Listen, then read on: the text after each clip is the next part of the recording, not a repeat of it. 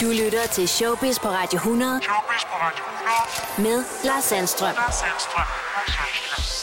Velkommen til podcasten Ugen i Showbiz, hvor jeg har talt med instruktør Anders Thomas Jensen om den nye film Retfærdighedens Ryttere. Så har jeg talt med forfatter Per K., som er bidragsyder til den nye bog om Kim Schumacher. Og så er Brian Rice bekymret for den form, det kommende Grand Prix i Rotterdam 2021 vil få med optaget optrædener fra de lande, der skal være med. Få de historier og alt fra underholdningsbranchen i Une Showbiz podcasten. Velkommen. Hele coronasituationen har ændret vores adfærd, og vi gør også af og til nogle lidt mærkelige ting, når vi måske enten ved, at vi er blevet testet positive for corona, eller vi går og er angst for, om vi måske har fået det. Og det kan Hugh Grant, der i øjeblikket er aktuel i The Undoing på HBO, bestemt også skrive under på. Han var ramt af corona i starten af året, og det var lige på det tidspunkt, fortæller Hugh Grant til E! Online, hvor man må begyndt at tale om, at man mistede lugtesansen, og det var et af symptomerne. Så jeg prøvede at dufte til blomster, men jeg oplevede ingen duft, og jeg blev mere og mere desperat, begyndte at sniffe til skraldespande og lugte til armhuler, og jeg mærkede ingenting, fortæller Grant, som til sidst sprøjtede sig i ansigtet med sin kones parfume, hvilket kortvarigt altså gjorde ham synshemmet. Det dog ikke en af tegnene på, at man har fået corona. Nu er både Hugh Grant og hans hustru Anna Eberstein altså raske igen, og øh, Hugh Grant kan også dufte normalt og behøver ikke teste sig selv på eksempelvis skraldespande eller lignende. Så kan jeg byde velkommen til den mandlige stemme i det meget kendte spil Assassin's Creed. Det nye spillet af Valhalla er netop udkommet, og manden, som altså lægger den mandlige vokal på øh, hovedkarakteren, det er skuespiller Magnus Brun. Hej Magnus, velkommen. Jamen hej, og tak. Vi kender dig jo blandt andet fra Netflix-serien Last Kingdom, hvor du har et øh, stort, flot øh, vikingskæg. Det har du også nu. Øh, har du så ligesom måttet se sådan der ud de sidste to-tre år? Øh, jeg har haft det her fuldskæg. Øh, jeg havde det sådan næsten i tre år, da jeg optog The Last Kingdom Ja. øh, til Netflix. Men da jeg skulle lave øh, Assassin's Creed ja. Valhalla, der måtte jeg tage det af. Hvorfor? Fordi jeg skulle optage motion capture, og de skulle bruge alle mine, mine mikroudtryk i ansigtet, så jeg, de, det duede ikke, at jeg havde hår i halvdelen af det. Jeg havde min sidste optagedag på The Last Kingdom i Ungarn, og så fløj jeg en uge efter til Canada og skulle lave mit første motion capture til Assassin's Creed, og der glatbarberede jeg mig for at spille en vikinghelt. Det var sådan lidt en, en, en mærkelig øh, oplevelse lige, ja. lige de første par dage. Men så blev det ligesom bare sådan, det var, fordi det skulle jo animere det alligevel. Og det er dig og Cecilie Sengspil, som er øh, henholdsvis den øh, mandlige og kvindelige stemme på hovedkarakteren i, i spillet. Hvordan pokker er du øh, kommet med på, på den? For det er jo kæmpe stort. Det er jeg, man kan sige, de er lidt efter skandinaviske skuespillere. Ja, der er en fed viking der i Last Kingdom. Ja, så havde de, de, de, de kendte mig fra det. Ja. Så derfor så var jeg interessant. Men jeg skulle stadig igennem et langt castingsforløb, hvor jeg først skulle lave en, øh, et self-tape, som er sådan en optagelse, en casting, hvor jeg filmer det derhjemme. Mm-hmm. Og sender afsted. Så skulle jeg vente. Og så kom jeg til cast, blev inviteret de mig til casting i London med et øh, selected few, altså få, øh, få, skandinav, få skuespillere. Ja. Og så derefter, så var jeg der i to dage og, og, og lave castings. Derefter gik der en måned, inden at jeg ligesom blev tilbudt rollen. Ja. Øhm, så, så, så de har siddet og, de har siddet og lyttet på mine castings, hvilket er noget helt andet, end når jeg har castet til film og tv. Hvordan var det at lave den der hjemme i, stu- i stuen? Det, det er meget almindeligt efterhånden som skuespiller, at, Ja. øhm, at du gør det, når du øh, caster på internationale øh, ting.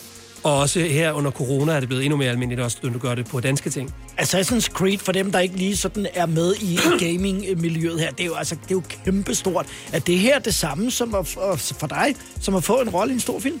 Øhm, nej, det er det ikke. Altså, det er kæmpestort. Ja. Øh, men jeg kommer ikke til at blive kendt på mit ansigt, øh, som en stor film vil gøre.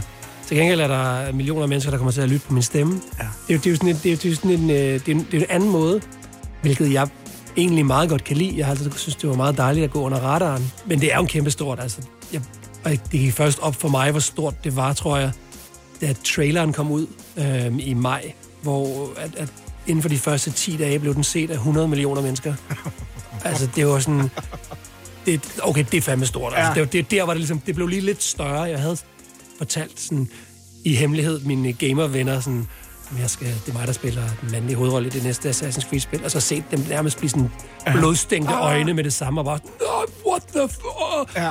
Um, så jeg vidste godt, okay, det er, en, det er en rimelig stor ting, men, men det er det sådan 100 millioner mennesker. Det kunne jeg slet ikke begribe. Det er skønt, når man gerne vil gå lidt under radaren. Hvorfor vil du gerne det? Det er da lidt atypisk for en, for en skuespiller. Det ved jeg, det tror jeg, tror jeg faktisk ikke, det er. Vi, det, vi, vi stiller os så meget til rådighed på, øh, på, på film og tv og teater, at når man så kommer hjem, så vil man faktisk gerne være privat. Ja. Uh, fordi, fordi vi egentlig er, er ret private offentligt.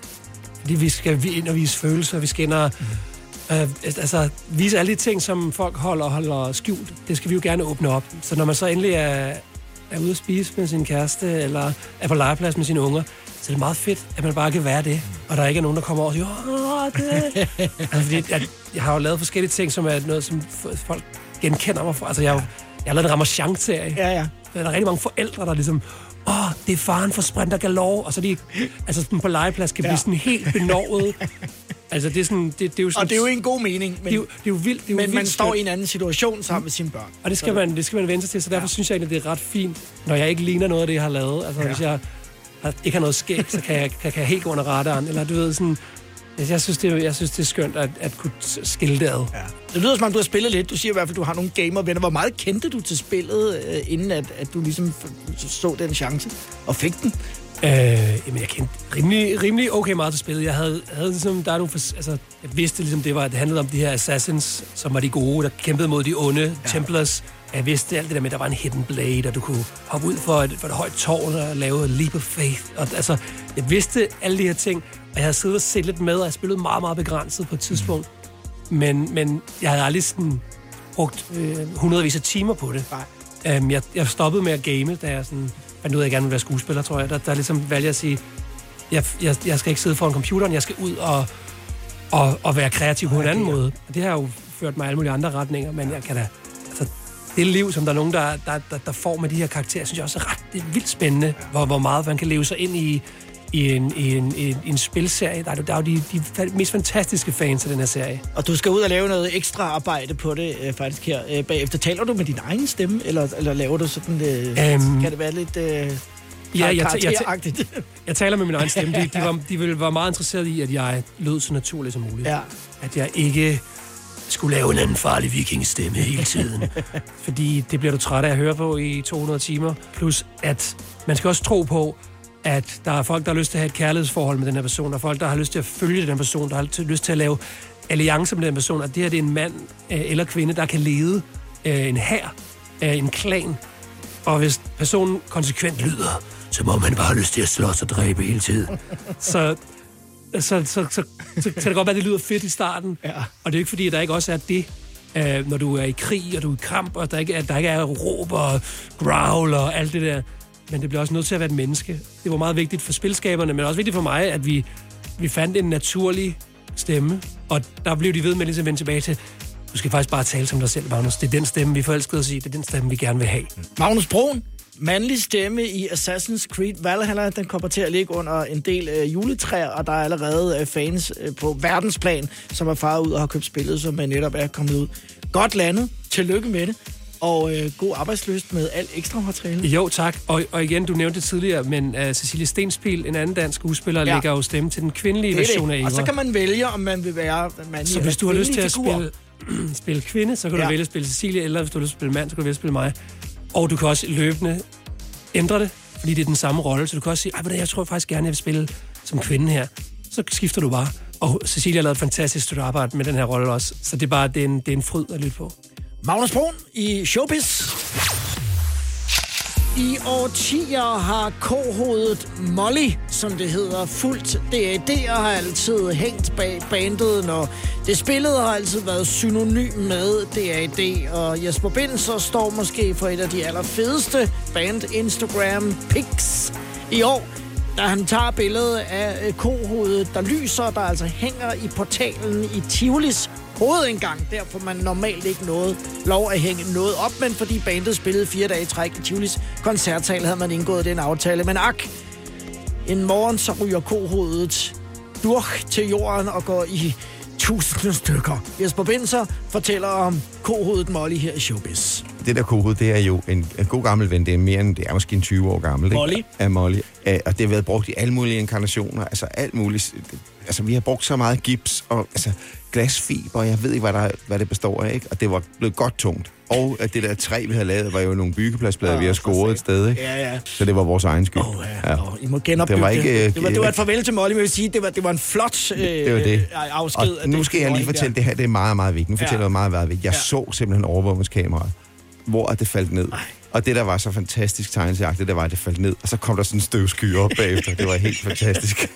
Fortæller Jesper Benser, og øh, kohovedet røg heldigvis, øh, når det nu skulle ske, ned meget tidligt om morgenen, hvor der ikke var nogen mennesker i nærheden, som kunne komme til skade af at få det meget tunge kohoved i deres eget hoved.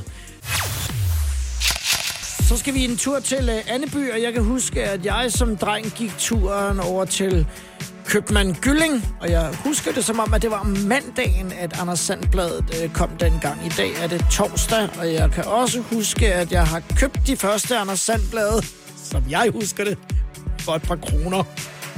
Så gammel er jeg. I dag koster de øh, noget mere. Det er lidt specielt på torsdag, fordi der får øh, radiovært med mere Peter Falktoft, som mange kender fra Monte Carlo-programmet, altså æren af at være forfatter til en Anders Sand-historie i bladet, som altså udkommer på torsdag. Og Peter Falktoft udtaler i en pressemeddelelse, at det er en reminder om, hvem jeg er og hvorfor jeg er, som jeg er. Og sagen er nemlig den, at mødet med de klassiske Jumbo-bøger, også mange af, blev afgørende for en ung Peter Falktoft, der i 4. klasse var blevet erklæret for ordblind. Peter Faltops far nåede nemlig at købe samtlige Jumbo-bøger til ham, og mange, på en betingelse, at han skulle læse dem alle sammen selv. Som sagt, så gjort, som der står i pressemeddelelsen, at Peter Falktop vendte tilbage til skolebænken efter ferien, så kunne han læse lige så godt som alle de andre elever. Og jeg er ikke i tvivl om, at mit liv havde set radikalt anderledes ud, hvis ikke Anders Sand og resten af Anneby havde lært mig at læse, fortæller han i pressemeddelelsen fra Have PR. Så husk det, hvis det er, at du altså enten køber Anders Sandbladet på torsdag, eller læser det for dine børn, eller bare kigger i det bagefter, så er historien, som tager udgangspunkt i de mange bagerier, der efterhånden befinder sig i København, altså med Peter Falktoft som forfatter i samarbejde med en anden Anders Sand øh, forfatter, som hedder Sune Trostrup, som er med ind over historien. Godt klaret. Showbiz på Radio 100 med Lars Sandstrøm. På torsdag har retfærdighedens ryttere premiere i biografen. Jeg vil hævne min kone. Du får ikke din kone tilbage ved at gøre det. Jeg stopper bilen, når jeg brækker det næste, jeg lover dig. Skal vi nu ikke bare få det her overstået som team, så vi kan komme hjem og få banankage? Præcis. Vi glæder os til nogle gode grin. Og med mig i studiet nu har jeg manuskriptforfatter og instruktør Anders Thomas Jensen. Velkommen, Anders. Tak skal du have. Og øh, vi skal jo tale om retfærdighedens ryttere, men først så skal jeg da ønske dig tillykke med øh, jubilæet med blinkende lygter. 20 år. Det er jo et halvt liv. Er, er, det ikke så, er det ikke mærkeligt at tænke på, at det er 20 år siden? Jo, altså, man føler sig lidt gammel, ikke?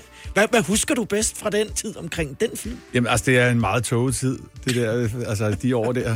Jeg husker faktisk ikke så meget. Så jeg, altså, nej, jeg husker, jeg husker øh, meget, altså, det der, at vi var alle unge, og havde ikke lavet særlig meget før, og, og, og, og troede bare, at, at sådan, var, sådan var det at lave en film. Hvad det hedder, så, så vi, vi vidste ikke rigtig, hvad vi lavede jo. Nej. Ja, det fik vi jo så at se. Ja. Bliver, bliver man så sådan et, øh, når man har sådan en oplevelse sammen, bliver man så sådan et, et slæng efterfølgende? Ja, altså det, ja, det gør man lidt. Altså, det var vi også i virkeligheden lidt, lidt før. Uh, vi havde lavet nogle kortfilm og sådan noget. Og, men, men, men det er rigtigt. Der er en eller anden... Uh, jamen, du ved, det er ligesom de der, man er vokset op med. De ens bedste venner er tit nogen, man... Det, det er sjældent, man får... Man får ikke rigtig mange gode venner, efter man er fyldt 30, vel? Det er sådan noget ens... Ja, man er vokset op sammen. Ja. Hvad kommer egentlig først? Manus eller cast, når, når, du, øh, når du skriver? Det er et meget godt spørgsmål. Ja. Hvad det hedder? Øh, altså, det er jo manus. Øh, jeg tænker altid på nogen. Ja. Altså, øh, og tit også dem, jeg øh, bruger. Ja. Og så øh, øh, nogle gange, så kan jeg ikke, øh, så kan jeg ikke få fat i dem. Så, fordi, at, og det bliver sværere og sværere, fordi de er blevet mere og mere populære og udland og hvad skal så, Men jeg har altid nogen i tankerne, men jeg, så, så bytter jeg også rundt. Altså, jeg flytter også lidt rundt på dem. Hvad gør man, hvis man øh, altså ikke i første omgang får dem, som man gerne vil have?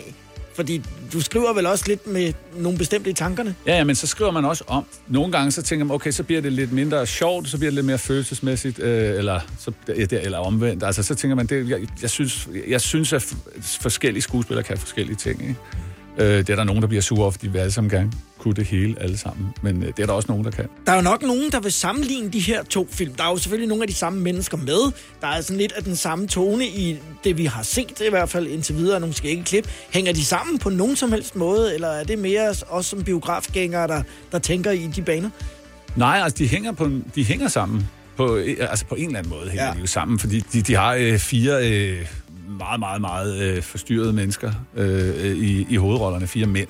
Og, og, og alene det gør jo, at der er et slægtskab imellem dem. Men, øh, men, men de er også meget forskellige jo. Blandt andet fordi der i Retfærdighedsrytter er en helt... Øh, altså halvdelen af den film er jo en, en ret naturalistisk historie, som næsten kunne være en Susanne Bier-film, ikke? Som er ligesom merged ind i blinkende lygter-universet. Så, så på den måde er, det, øh, er den også meget anderledes. Vi har jo set nogle sjove klip på forhånd. Men hvad handler filmen egentlig om? Jamen, altså, jamen, filmen handler om det, man har set altså, øh, i, i traileren. Altså en militærmand, øh, Markus, som øh, mister sin kone i en togulykke og må tage hjem. Mm. Og simpelthen redefinerer hele sit liv. Han har en datter, han ikke kan finde ud af at tage sig af. Han har, hvad man nok kalder øh, en depression, ikke? Øh, og, og ved ikke, hvor han skal, hvordan han skal komme fremad i sin tilværelse. Og øh, så dukker der øh, de her øh, matematiknørder op, som øh, har en, øh, en teori om, at det ikke var en ulykke. Og sammen begynder de så at øh, prøve at finde en mening i tilværelsen. Så det er i virkeligheden det, det er, det er fem fortabte mennesker, der, der er alle sammen på en eller anden måde har mistet deres familie, som sætter ud på den her mission for at finde mening i, i tilværelsen. Når man øh, ser øh, nogle af de ting, som, som du har lavet, øh, særligt kan man, sige, i, i eget regi, du har jo også skrevet sammen med andre, men så er det jo tit sådan, øh, det er jo meget underholdende, men det, men det er også nogle meget absurde øh, ting. Hvor, hvor, hvor kommer, øh, hvad skal man sige, øh, idéerne til det fra?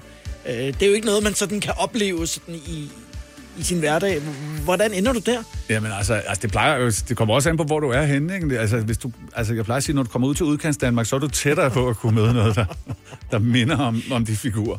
Ja. Øh, jeg tror også, de er i København. Jeg ved bare ikke, jeg tror, de gemmer sig. Ja. Hvad det hedder. Men de, altså, jeg plejer også at sige, mange af de mennesker her, de, selvfølgelig er der skruet op for dem, og selvfølgelig har man, men de findes, mange af dem. Altså, jeg kender øh, mennesker, der er sådan her. Ja. Men du lægger bare ikke rigtig mærke til dem, for de gemmer, sidder og gemmer sig i et eller andet sommerhus eller sådan noget. Ikke? men, men, øh, og det synes jeg er interessant at tage den, den type jeg sige, oversete øh, mennesker, men selvfølgelig skruer jeg også op. Jeg giver dem lige 20 procent ekstra af, af psykiske lidelser og, og øh, følelser og, og alt det, der hører til, for at det bliver et godt drama. Ikke? Ja. Nu skal du jo øh, altså ret beset øh, tituleres som øh, Academy Award winner, men, men, er, men, øh, men er du helst fri for, øh, for, for meget en opmærksomhed omkring, omkring din person, og, og hellere vil have, at det ligesom er spillerne, der får, øh, der får opmærksomhed? Ja, men det er jo altid så et spørgsmål, der er, altså det er, jo, øh, det er jo absurd at svare på, når jeg står her og Ja. taler om mig selv. Ja. Så hvad det hedder. Men øh, nej, altså jeg er helt med på, at, hvad der skal til for at, øh, at sælge en film, og, øh, og jeg nyder det mere og mere, vil jeg sige, med årene. Jeg nyder er et stort ord, men hvad hedder, øh, jeg er med på, hvad der skal til. Men jeg, ja, altså skuespillerne er bedre til det end mig. Bare hør, jeg kan ikke finde ordene her. Altså, de er meget mere, øh, ja, de er meget mere professionelle og meget bedre til at... Og jeg har også på fornemmelsen, at mange mennesker i virkeligheden også hellere vil have billeder af Mads Mikkelsen, end de vil have mig. Den lader vi stå. Tillykke med retfærdighedens ryttere. Vi er mange, som glæder os til at blive underholdt. Og det tænker jeg nok, vi skal blive i hvert fald med det, vi øh, har set. Det håber jeg. Tillykke med filmen, og, Tak. øh, og held og lykke. Tak skal du have. Showbiz. Showbiz med Lars Sandstrøm. Radio 100. Det franske medie Radio France International har lavet en øh, brøler af de større. De er nemlig kommet til at frigive en nekrolog, der ligger på lager. Og det er ikke usædvanligt, at man gør det. Det er bare lidt dumt, at man lægger dem på nettet, før at øh, de omtalte personer altså er gået bort. Og det drejer sig blandt andet om dronning Elisabeth, den engelske dronning, som er blevet erklæret død. Og det samme er Jimmy Carter, tidligere USA-præsident, nu 96 år, også Brigitte Bardot, lever stadig 86. Clint Eastwood, som blev 90 tidligere i år, også stadig nulevende, og Yoko Ono på 87, og Sofia Loren på 86. Nekrologer blev altså også pludselig publiceret på nettet på Radio France Internationals hjemmesider og flere af deres partnerplatforme herunder både Google og Yahoo og MSN.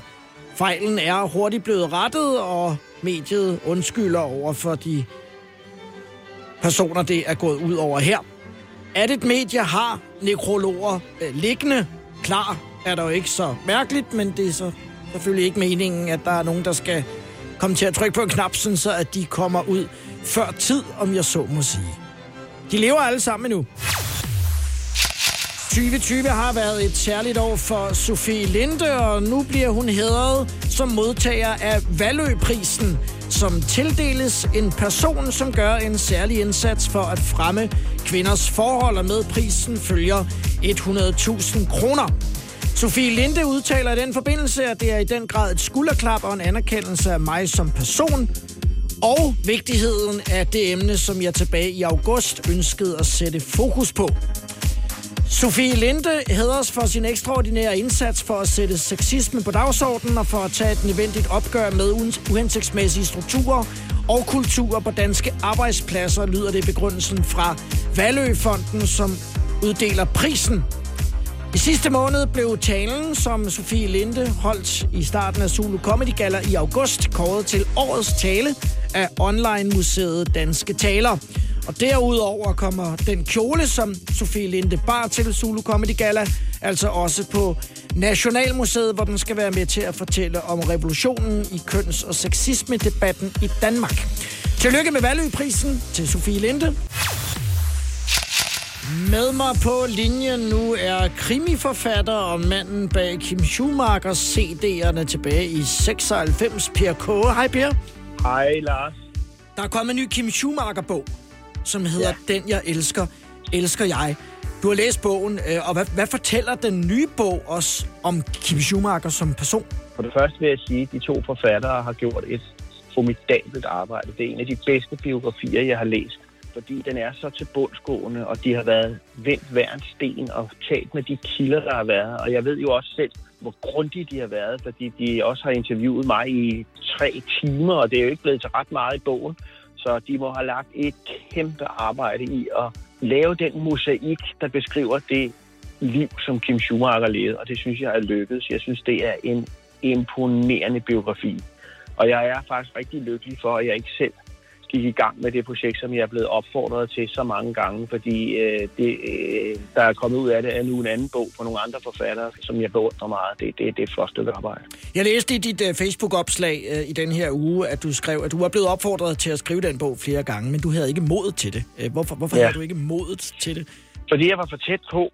Dels så kendte jeg jo Kim Schumacher, men jeg kendte også hans mor, og jeg kendte også hans far, og jeg kendte også ham, som er øh, en af hovedkilderne, Søren Lonnebjerg, som jo er min rigtig, rigtig gode ven, som jo blev betegnet som Kim Schumachers lillebror. Så på en eller anden måde, så følte jeg ikke, at jeg havde den distance, man skulle have til det, for at gå til stoffet på den rigtige måde. Og derfor så, var jeg sådan, så havde jeg ikke rigtig mod til at, at, at, at gå ind i det. Man skal jo på en eller anden måde kigge på, på en person udefra, og ikke ligesom være være farvet af at have mødt nogle mennesker, kendt dem privat og alt sådan noget. Så derfor så turde jeg sgu ikke rigtig at gå i kast med det. Jeg, jeg havde sådan en, en ærefrygt for, og, og, og så også fordi Kim Schumacher på en eller anden måde var den mand, der startede det hele for mig, begyndte min interesse for, for, for musik, og hele, hele mit, alt det, jeg kom til at lave, begyndte ligesom med ham, fordi han var så inspirerende. Så jeg havde sådan en ærefrygt for at gå i gang med det. Hvordan oplevede du Kim Schumacher som øh, privatpersonen Kim Schumacher, når han ikke var i radioen eller i fjernsynet? Altså, han havde en facade, som var meget svær at bryde igennem, men, øh, men der var der sådan momenter, hvor vi snakkede lidt mere sådan men ikke, ikke sådan privat, altså. Men, men det var sådan noget, som lige sådan strejfe. Han havde en facade. Han øh, var et geni. Og øh, det er jo skønt, at det nu ligesom begynder at komme frem, for man kan sige, at jeg allerede sådan tog hul på det allerede i 96, da jeg lavede de der to CD'er. Det var godt nok med hans radioprogrammer, men at møde et geni, det er jo meget, meget sjældent, man gør det. Men det vil jeg betegne ham som. Han var øh, ekstremt begavet og vidende om alting. Han øh, var svær at følge med. Han øh, var jo viden begærlig, og han var hele tiden sådan lidt foran på alle mulige måder, så han kunne have drevet det rigtig, rigtig, rigtig langt. Og det er også det, når man sidder og læser den bog der, og så tænker på, jamen, hvad kunne han egentlig have drevet det til, hvis han ikke var blevet fældet af den møgsygdom, som jo er på det tidspunkt der AIDS. Det, det, det, det er en forfærdelig tanke. Hvorfor tror du, at han havde en, øh, en facade? Altså var han også meget øh, privat, selvom at han jo udstillede sig selv ret meget? Ja, det var underligt, det der med, han elskede jo at, at, at udstille sig. Han var jo enormt udadvendt, og han var jo aldrig fedtet med sig selv. Altså, han ville jo, han, hvis der var et kamera, altså, altså jeg kan huske en, en episode, der da vi på, på Se og Hør skulle vi lave et, et billede af alle de her radio- og tv-favoritter, og de stiller sig så op. Og hvem gør så det at gå hen og lægge sig foran dem alle sammen øh, foran? Fordi han ved godt, at han så tager hele opmærksomheden. Det gør Kim Schumacher, ikke? Og jeg var flad og grin. Så han ligesom tog hele tæten der. Og sådan var han jo. Han elskede jo opmærksomhed. Det skal man så sige. Det gjorde han. Og han havde jo også begavelsen og hele, hele, hele farvepaletten til at få den. Så, så det var jo en, en anden del af ham.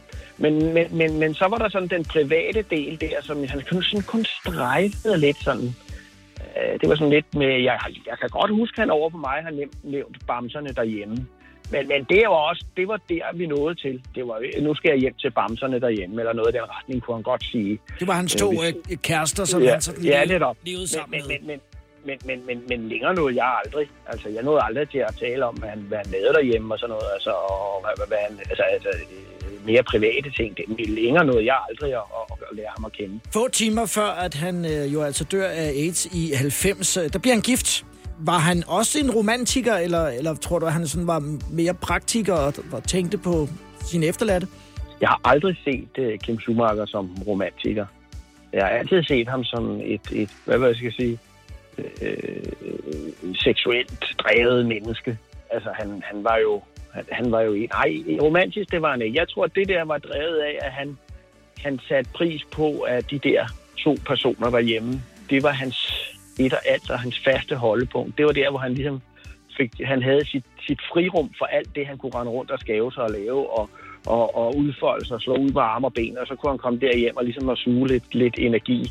Og det vidste han godt, og det viste han ved at gifte sig der tæt på, på, på dødslejet, at, øh, at, øh, at, at, ligesom at give dem den respekt. Og så var der jo også en arv og nogle penge og så videre. Det var jeg jo også inde i dengang med, med, med CD'erne jo, fordi det var jo det, der gjorde, at da vi lavede de her CD'er, der skulle de, øh, der, der, eller ham, der var ved gift og, og boet, de skulle jo også have nogle penge ud af det der. Så der var jo nogle penge, og det havde han jo, vidste han jo godt. Han havde været en flittig mand, og der lå en masse ting der, som måske ude i fremtiden. Og det var det, han var. Han var jo en mand, der levede ude i fremtiden. Og der vidste han jo så, så godt på det tidspunkt der, at der måske kunne falde nogle penge af til de personer, som han holdt allermest af. Og det er jo en smuk tanke. Per, hvorfor tror du, at, at du og jeg og mange andre i uh, branchen, uh, Per, blev inspireret af det, som han uh, kunne på radio dengang? Hvorfor var det, du tror, at vi fuldstændig faldt bag over det, vi hørte?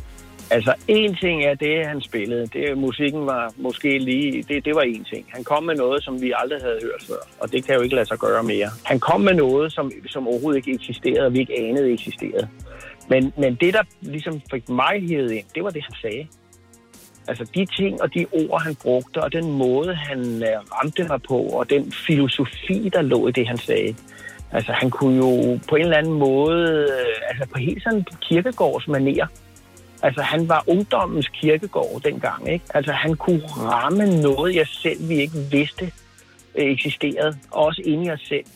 Altså, han kunne sætte ord på nogle ting, som, som, som man gik og tumlede med og tænkte, og det var også, fordi han måske var et ældre.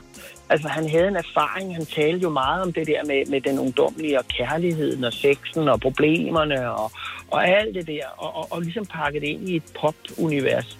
Så på en eller anden måde ser jeg ham som sådan en, en moderne filosof, der ramte ungdommen med, med både ord og musik på samme tid. Og det var, det var noget af det, han kunne. Og, og især når man hører de gamle bånd der, øh, jeg har jo jeg har alle hans udsendelser øh, liggende. Øh, og når man hører det, meget af musikken er, er i dag ligegyldig, men det han siger er eviggyldigt. Det er, han rammer noget inde i os på en eller anden måde, som en god forfatter, en digter eller en, en, en, en stor filosof. Og, og, og det er der de færreste forstået. Og det er jo så skønt, at det nu er, er, ved at blive forstået, og den her bog er med til ligesom også at bringe det endnu videre. At Kim Schumacher var et geni, og han er eviggyldig. Altså alle de der kloge ord, han har sagt, altså, øh, og, og så også hans humor. Så kommer han, og det er jo ligesom med, med, med, med, med Storm P. og Kirkegaard, og hvem vi har store folk igennem tiden. Han, øh, han har humoren med til ligesom at bringe det det sidste stykke ind. At vi, vi, vi møder ham med et smil, og så ligger der en masse vitaminer og en masse vitale ting i de ord, han sagde, som jeg stadig, når jeg hører dem, kan blive ramt af den dag i dag. Jeg gik derhjemme, øh, for jeg boede hjemme på det tidspunkt, øh, den dag, hvor nyheden kom om, om hans død. Jeg gik og stod græs, kan jeg huske, at min mor kom ud, efter at have hørt det i TV-avisen. Øh, Kan du huske, hvordan du fik nyheden om, at nu var Kim Schumacher her ikke mere? Jeg glemmer det aldrig, og det siger også noget om vores hukommelse. Den er drevet af følelser. Jeg glemmer aldrig nogensinde, hvordan jeg fik det at vide. Jeg lå på min sofa, og jeg øh, tændte for øh, øhm min tv, og dengang slog man over på tekst-tv. Jeg skulle lige se, om der var et eller andet nyheder på tekst-tv, og der stod journalisten Kim Schumacher. Jeg kan nemlig huske, de kaldte ham journalisten Kim Schumacher død, kun 40 år gammel. Og øh, jeg troede ikke, det er sandt. Jeg troede ikke, det var sandt. Jeg tænkte, øh, den der mand, som har været ude i fremtiden, at han nu er fortid. Det, det, jeg, det, jeg, jeg var fuldstændig... Benene var slået væk under mig.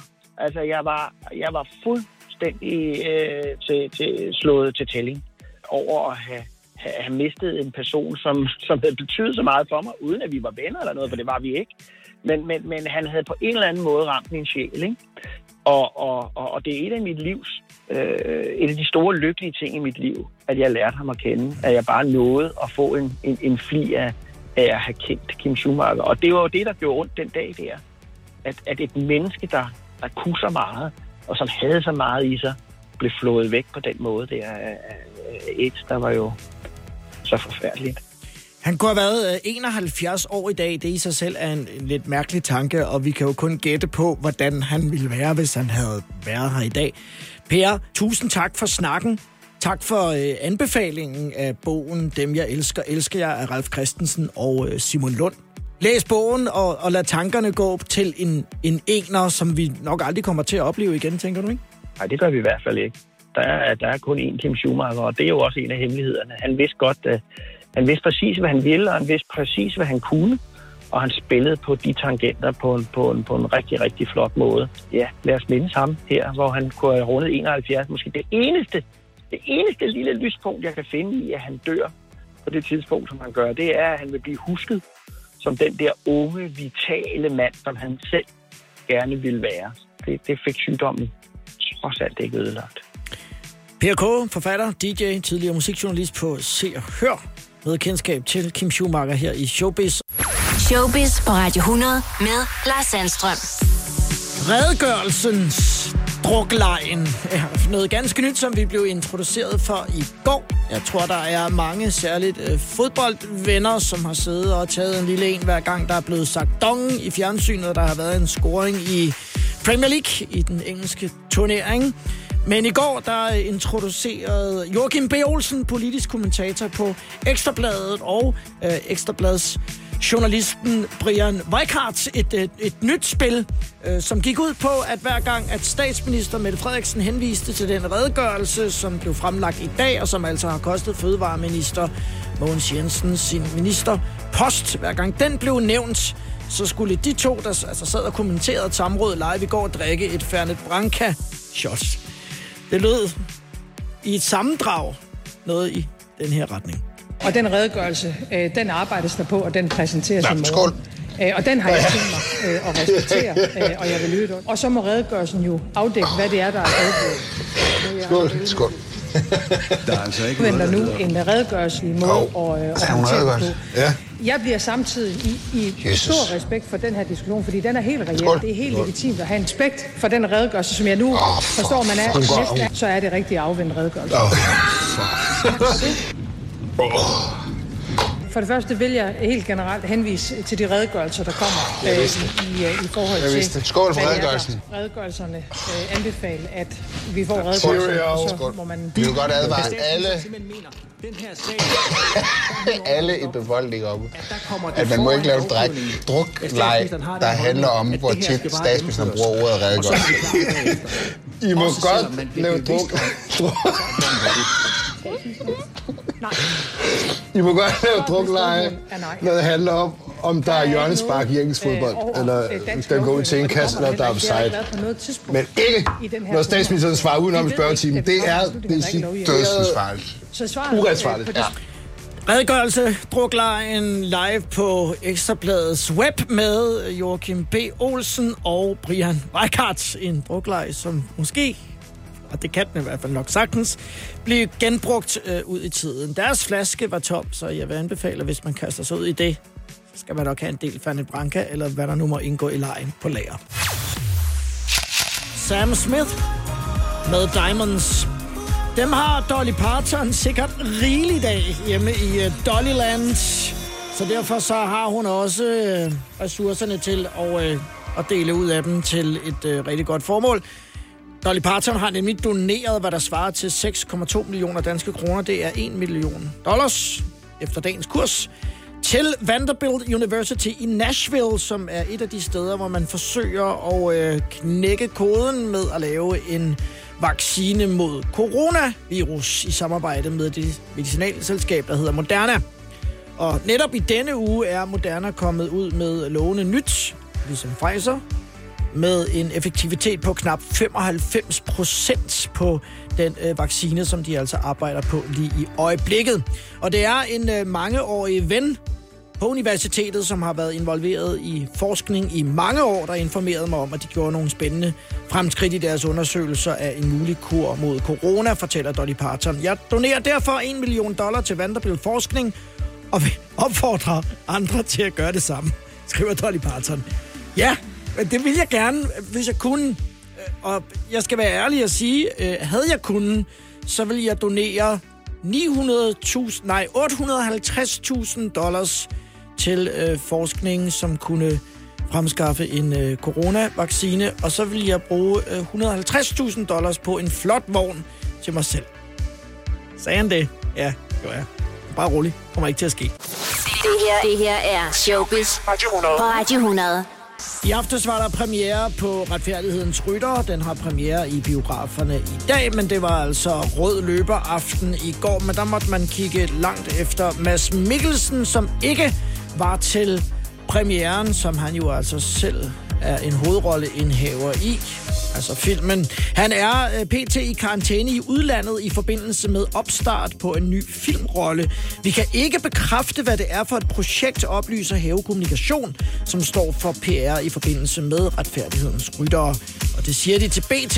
Det har ikke været muligt at opklare, hvilken opgave der er tale om, men eftersom Mads Mikkelsen oprindeligt havde luft i sin kalender, kan noget tyde på, at det hvert fald ikke er et længe planlagt projekt, som man nu hopper ud i, og det sætter jo altså endnu mere gang i rygterne om Mads Mikkelsen eventuelt skulle være Johnny Depps substitut i øh, fantastiske skabninger, hvor optagelserne er jo i fuld gang. Og for første gang siger Mads Mikkelsen noget om de rygter, der har svidet nu en uges tid. Til det nordiske filmsite IGN.com fortæller han, at det er på rygtebasis. Så jeg ved lige så meget, som du ved fra aviserne, siger Mads Mikkelsen til journalisten fra IGN.com. Jeg venter på telefonopkaldet, siger Mads Mikkelsen, når man kan næsten fornemme, at han sådan trækker på smilebollet, mens han siger det. Han er jo Mads Mikkelsen blevet kædet sammen med instruktøren David Yates fra Fantastiske Skabninger, som er stor fan af Mads Mikkelsen, og selv har et ønske om, at han altså skulle spille skurken Gellert Grindelwald i den kommende Fantastiske Skabninger film. Vi venter stadig på telefonopkaldet. Nu skal det handle om Melodi Grand Prix i coronatider, og med mig på linjen er Brian Rice. Hej Brian. Hej Lars. Halløj. EBU, som jo står for øh, Melodi Grand Prix, har meldt ud, at Grand Prix i Rotterdam maj næste år vil blive afholdt uanset hvad. Og det kan så betyde, at de optrædende skal indspille deres optræden, som så vil blive afspillet. Du har ja. jo selv prøvet at stå der to gange. Ja, i hvert fald i det danske. Når du selv har sunget, ja. Hvordan tror du, at, at det vil kunne komme til at fungere for kunstneren? Jamen altså, som udgangspunkt synes jeg jo, at det er positivt, at man vælger at sige, jamen øh, nu gør vi det, at vi finder en løsning, så det kommer til at ske lige meget hvad. Altså, fordi det, der skete i år, var jo virkelig beklageligt, at man måtte aflyse showet på, på den måde. Ikke? Men det, der medfølger også en hel del øh, uvisse situationer. Først og fremmest så opfordrer de til, at man øh, i de her øh, optagelser, man skal lave øh, lokalt i landene, der opfordrer de til frihed og kreativitet. Og det kan jeg, det kan jeg godt se skulle gå hen, kunne gå hen og blive et problem. Hvorfor? Øhm, jamen fordi, at når, når man mødes på samme scene, så er man ligesom i samme båd. Og det er meget forskelligt, hvor, hvor mange penge de forskellige lande har til at lave den her optræden med. Så du kan risikere, at der kommer 15 virkelig, virkelig fede og kreative optagelser på kæmpe scener med, med alt, hvad det ligesom kan trække. Og så kan du risikere, at der kommer øh, 20 virkelig dårlige, altså hvor de står hjemme i en stue nærmest. Men hvis sangen er god, er det ikke ja, det, det handler om? Jo, jo, det har du ret i, men, øh, men det er stadigvæk et tv-show. Ja. Øh, hvis vi skal kode det ned til, at det kun skal handle om sangen, så, øh, så synes jeg hellere, at vi skulle sende det på 100 FM, og så lave, lad det være et, øh, et radioshow. Der står, at, at man ikke må bruge uh, virtual reality og droneskud og konfetti og green screen effekter og, og vand. Jeg, jeg ved så ikke, hvorfor man ikke må bruge vand. Men er det også for... At, at, at Men det er jo forfærdeligt, for så vil jeg ikke kunne lave breathing for 2010. Nej, så var det udgået allerede, inden ja. du kom i gang. Men mm. er, er, det, er det også for ligesom at, at begrænse det, du netop siger, der kan blive et problem?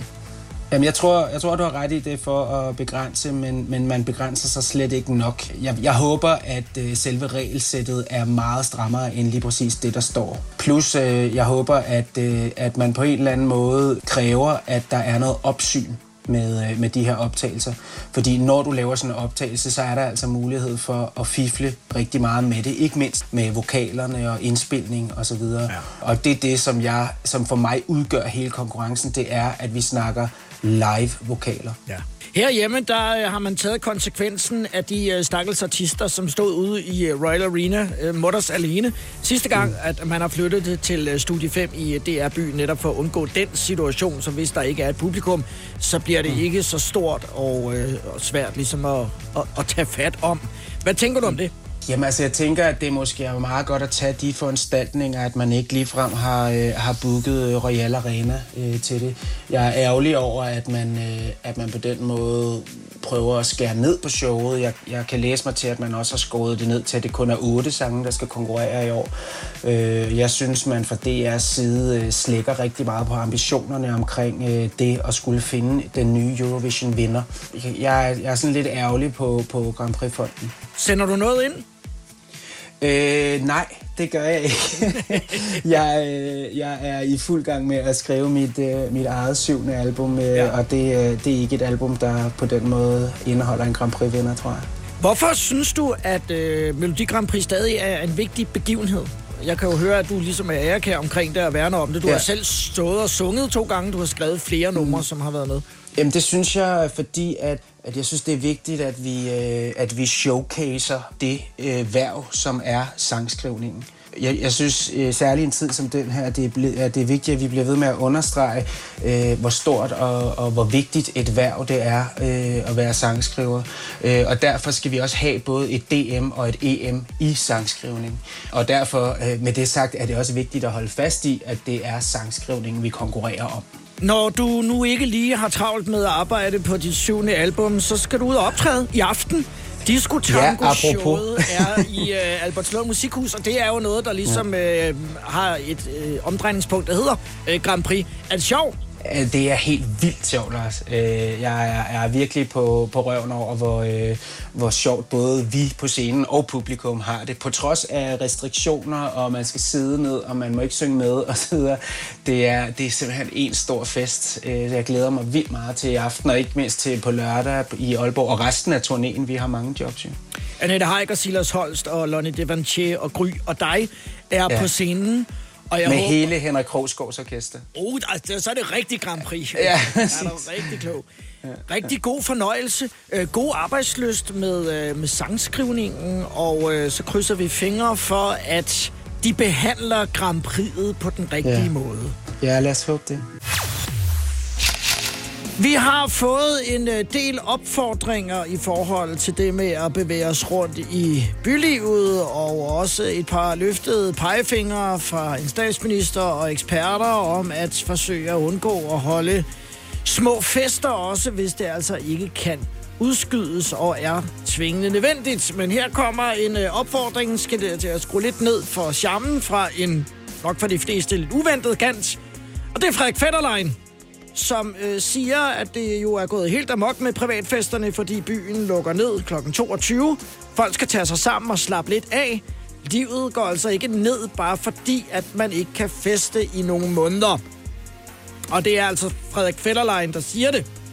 Man skal have respekt for andre, og jeg kommer i hvert fald ikke til at være den person, der sætter sig i et dårligt eksempel ved at deltage i fester med 100 personer, siger Fetterlein. Jeg har selv ældre forældre og forsøger at holde mig væk fra større forsamlinger. Det er da kedeligt, at man skal gå tidligt hjem, når man er ude. Men nu er corona her, og så bliver man nødt til at indordne sig. Og jeg skal igen gøre opmærksom på, at det er Frederik Fetterlein, som altså kommer til en opfordring til alle, som kan lide at feste, til lige at slappe lidt af og tage sig sammen. Det var de store historier fra underholdningsbranchen i denne uge i ugen i Showbiz. Husk at lytte med på programmet mandag til torsdag fra 12 til 15 her på Radio 100. Tak fordi du lyttede, og have en god dag. Showbiz. Showbiz med Lars Sandstrøm. Radio 100.